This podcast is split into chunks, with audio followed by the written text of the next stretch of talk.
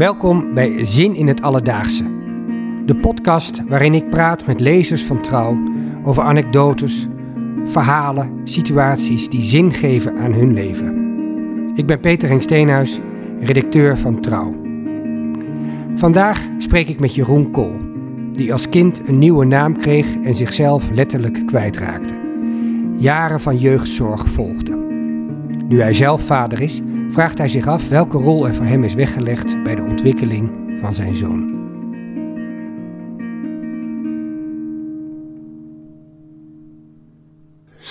Ja, mijn zoon is vier. En dat betekent eigenlijk dat hij sinds kort naar school gaat. Hij gaat nu uh, sinds enkele weken naar de kleuterschool. En ik zie wel dat er nu echt een enorme wereld open gaat eigenlijk voor hem. Um, er zijn weer nieuwe mensen, er, is weer een, er zijn weer nieuwe verhoudingen uh, die ontstaan.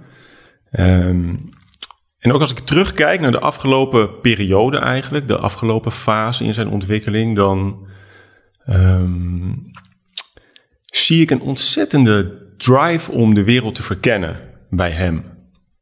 Hij gaat zich steeds meer als individu ervaren en zich daar eigenlijk ook naar uh, gedragen. Dus uh, waar merk ik dat aan? Nou, hij vraagt honderd keer op een dag waarom de dingen eigenlijk zijn zoals ze zijn. Um, en um, hij heeft ontzettende zelfstandigheidsdrang. Hij wil het allemaal zelf doen.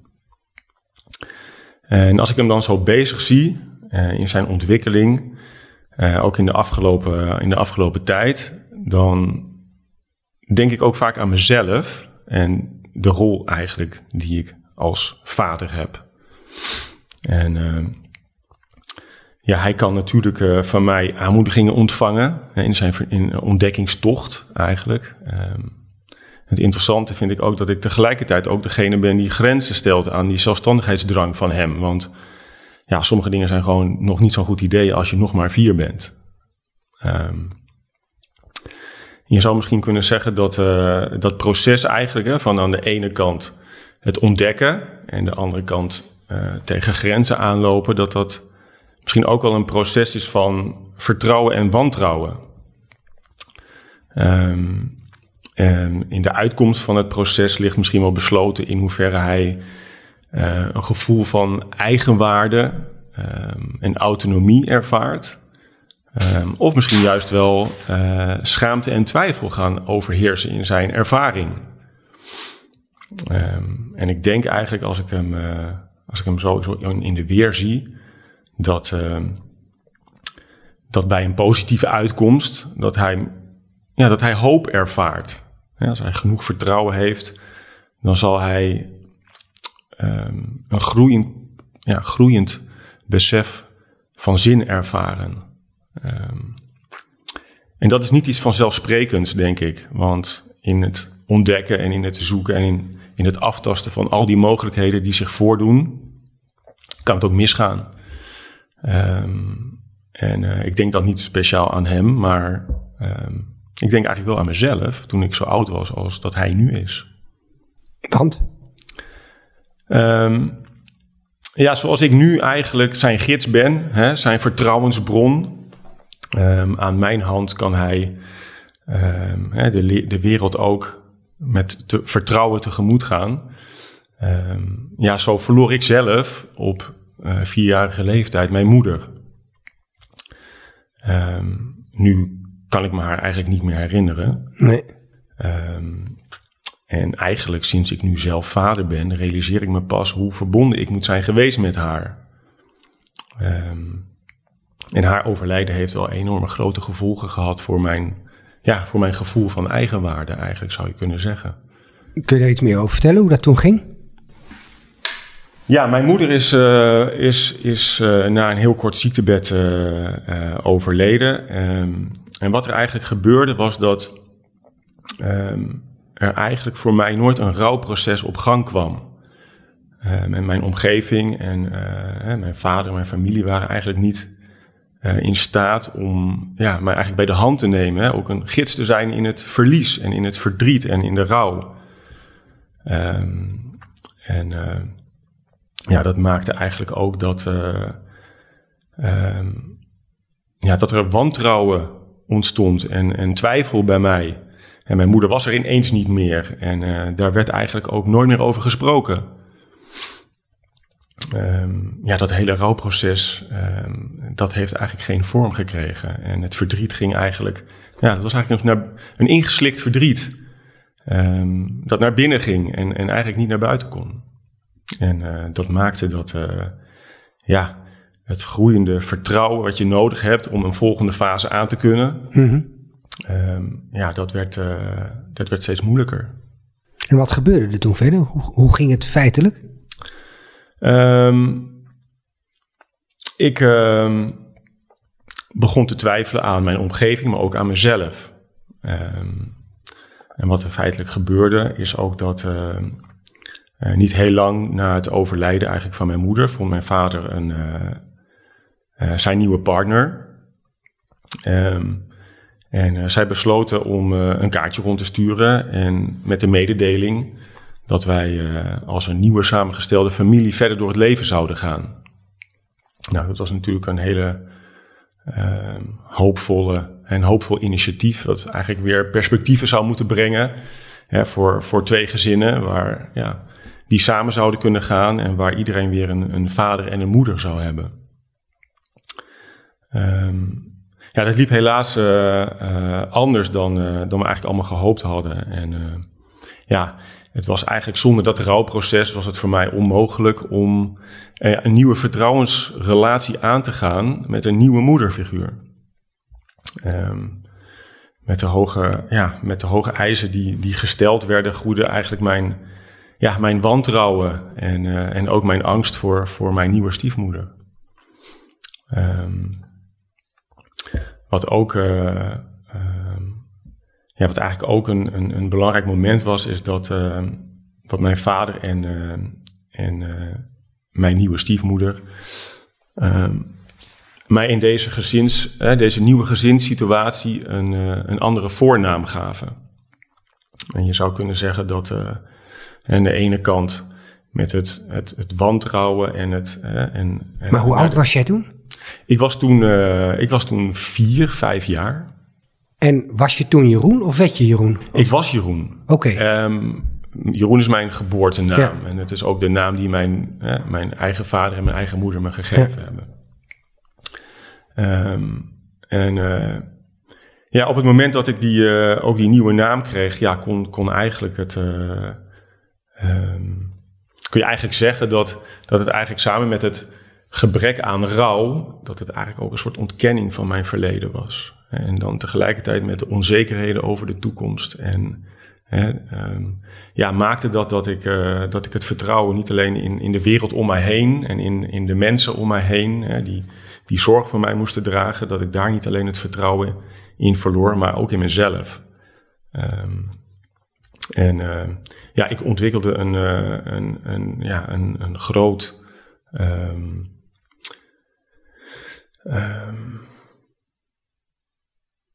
wantrouwen naar mezelf eigenlijk. Een, een, een negatief zelfbeeld. Ja. En uh, nou, dat, dat resulteerde erin dat ik bijvoorbeeld ook niet meer mee kon komen op school. Ik had, ik had geen zelfvertrouwen meer. En ja, zo zouden er een aantal jaren in de, in de jeugdzorg zouden, zouden volgen eigenlijk. Hm.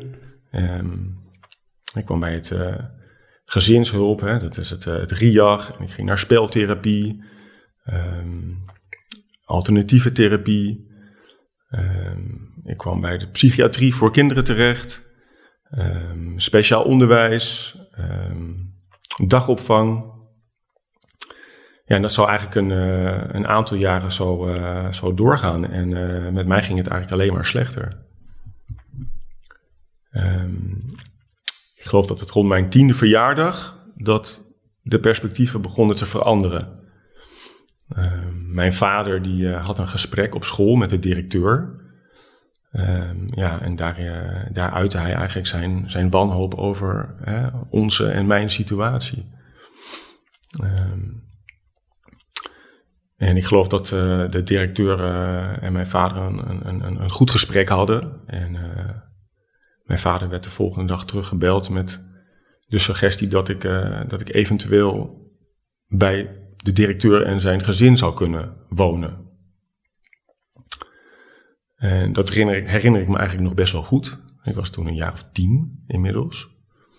En uh, ik herinner me vooral, het was een lentedag. Ik herinner me de, het warme ontvangst bij de deur, uh, het kennismaken. Uh, ik kreeg limonade, maar eigenlijk kreeg ik ook gelijk de mooiste kamer van het huis. Um, zij hadden al een aantal studerende kinderen die het huis uit waren. Maar hun jongste zoon, uh, dat was Koen. En uh, hij was eigenlijk nog geen jaar ouder dan ik. Uh, en wij maakten spelenderwijs kennis op die, die middag. En ja, ik zou de jaren die, die de volgende jaren zou ik, zou ik daar in het gezin een plek krijgen. En Koen werd een, werd een echte broer. Ik, heb, ik, heb, ook nog een, uh, nog een eigen broer, een, een biologische broer. En uh, net als die broer werd Koen ook een echte broer en een beste vriend. En had je toen ook weer je nieuwe naam of je oude naam? Hoe was dat gegaan? Ja, ik, be, ik had toen nog mijn nieuwe naam. En die noem je niet, hè? Of... Die noem ik niet, nee. Nee, begrijp ik. En ik kan me nog een goed een moment herinneren.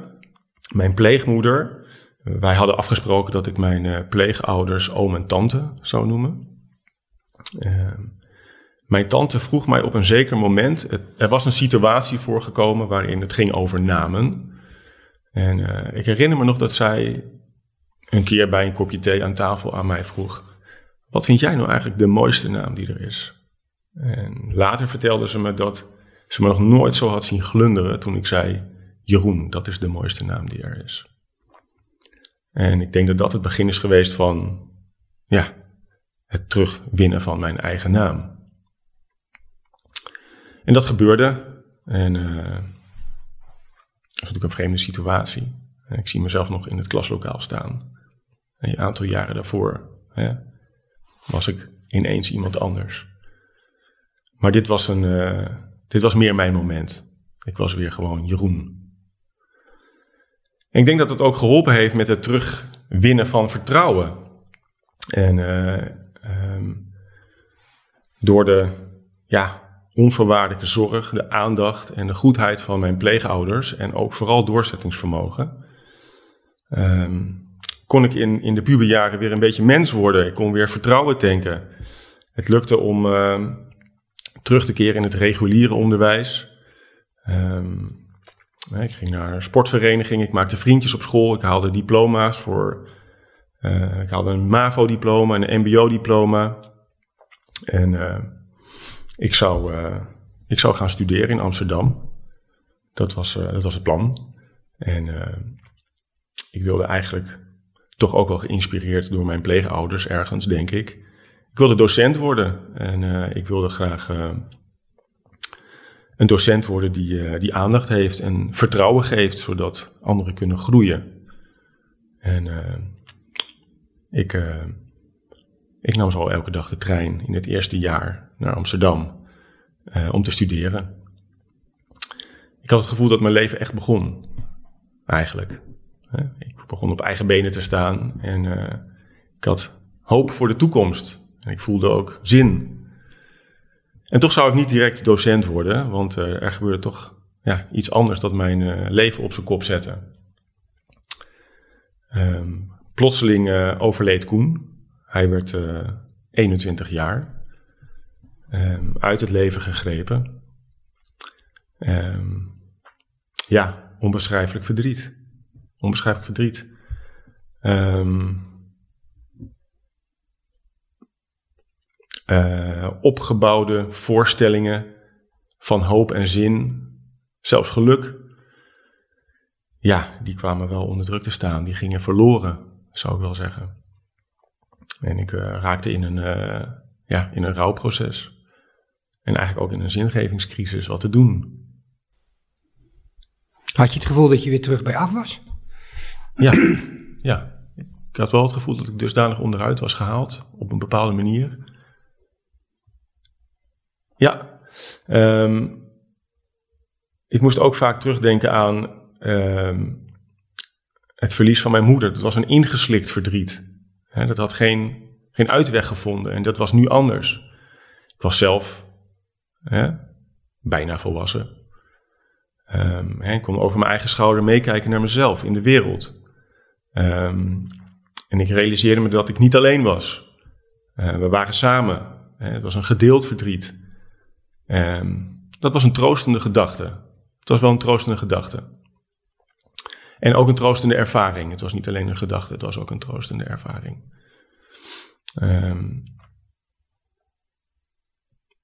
maar ik was twintig. En ik had het gevoel dat het nog moest beginnen allemaal eigenlijk. Um, dus met het verdriet, dat, ja, dat toch ook, hè, het, het rouwproces, dat leunde zwaar op me. Begon ik na verloop van tijd ook, me ook te realiseren dat um, ja, dit, dit kon het niet zijn. Ik, ik moest er ook iets van maken. Het voelde bijna een soort opdracht eigenlijk. Um, ja, wat te doen.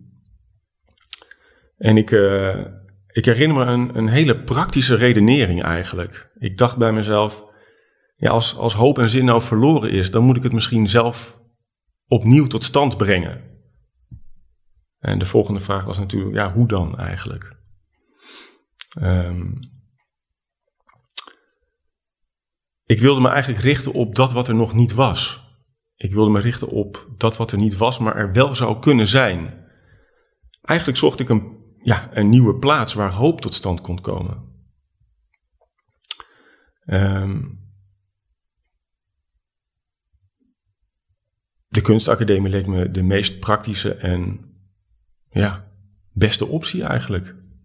Ik wilde iets tot stand brengen. Um, dus na het afronden van de docentenopleiding um, meldde ik me aan, de kunstacademie. En ik had een goed gesprek en ik mocht na de zomer beginnen. Het was een vrijplaats. Het was een laboratorium van mogelijkheden. Het was een, uh, een geweldige tijd. En uh, ik herinner me, ik begon aan allerlei verschillende projecten. Ik uh, probeerde allerlei materialen uit. Ik, ik, ik, ik oefende technieken om ideeën hè, tot een resultaat te brengen. En uh, na het eerste jaar ontstond er een soort enorme bonte verzameling van werk. En al reflecterend daarop zag ik een soort constante eigenlijk.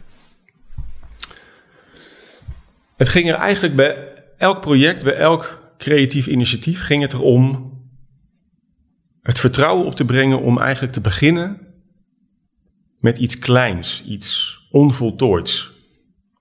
En in het creatieve proces ging het altijd over het aftasten van nieuwe mogelijkheden.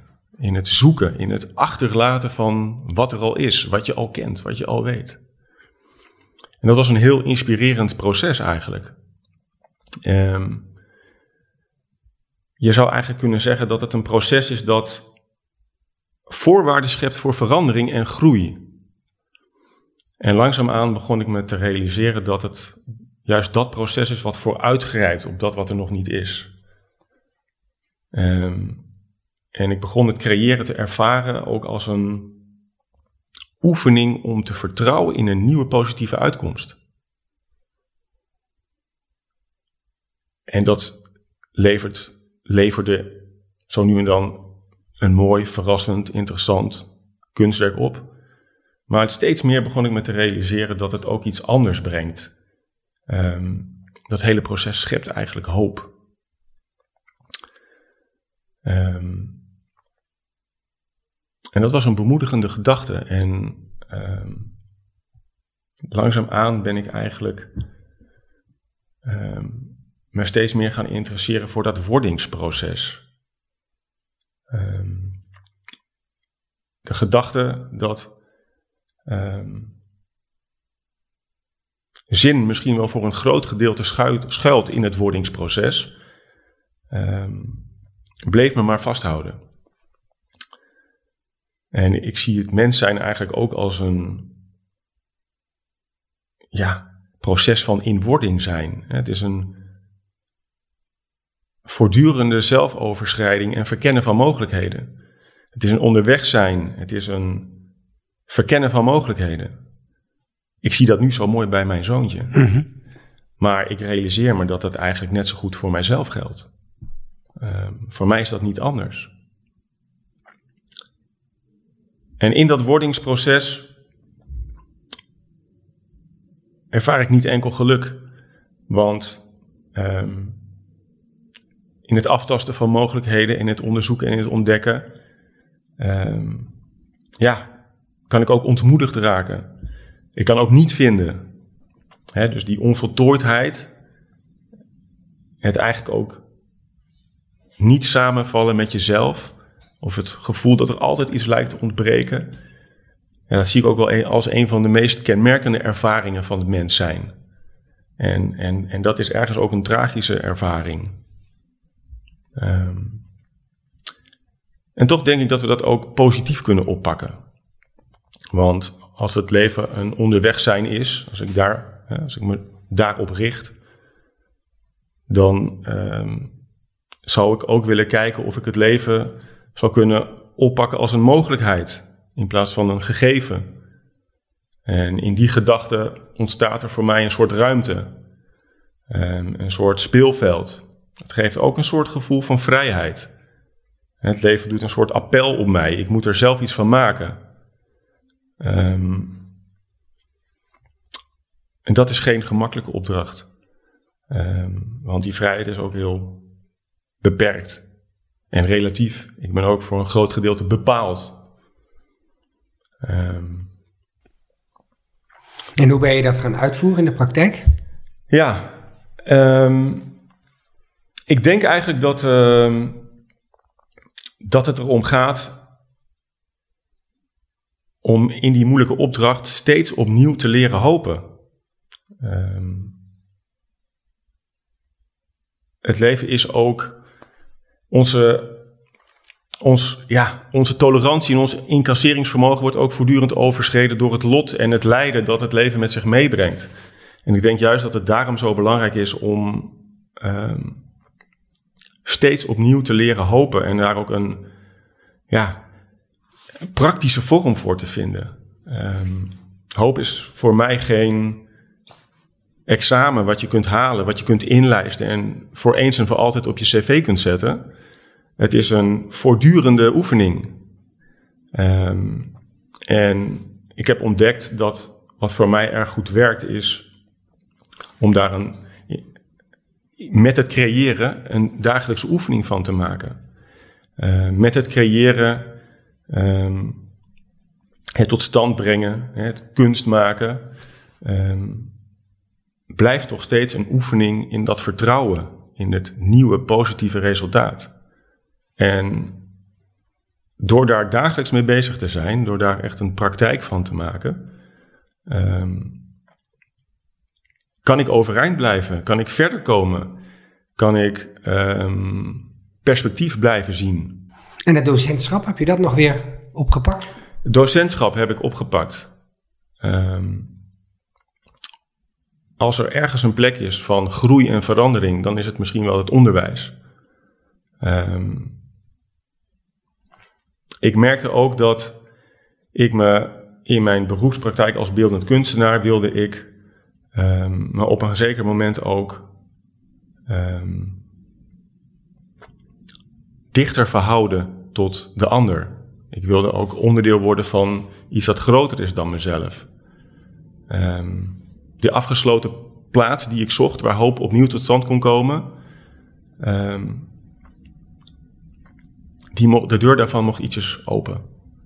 Um, ik begon steeds meer plezier en geluk en zin te ervaren buiten die afgesloten ruimte. En ik besloot terug te keren in het onderwijs. Dat was overigens geen makkelijke weg, want ik was inmiddels 30 en ik had geen ervaring. En ik wilde wel graag terug in het onderwijs. Het heeft me een jaar vrijwilligerswerk gekost om uiteindelijk uh, die leuke baan te krijgen.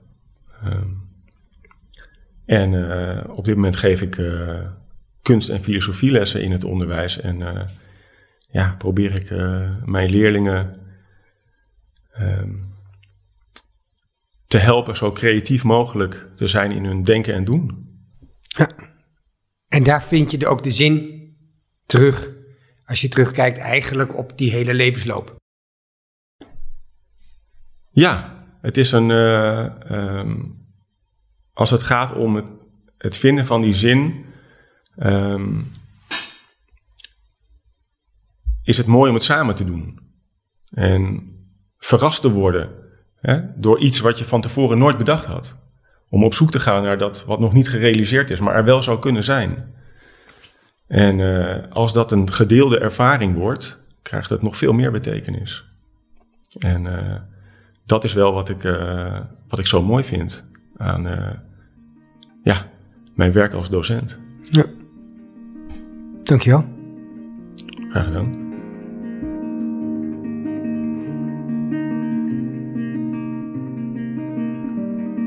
Dankjewel voor het luisteren naar de podcast Zin in het Alledaagse. Tot de volgende keer. Abonneer je op de podcast, zodat je geen één aflevering hoeft te missen.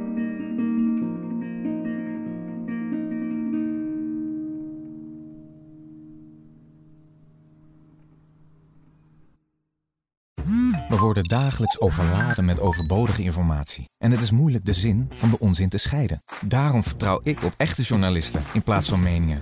Een krantenmens heeft het gemakkelijk. Word ook een krantenmens en lees je favoriete krant nu tot al zes weken gratis. Ga snel naar krant.nl. Bezorging stopt automatisch en op deze actie zijn actievoorwaarden van toepassing.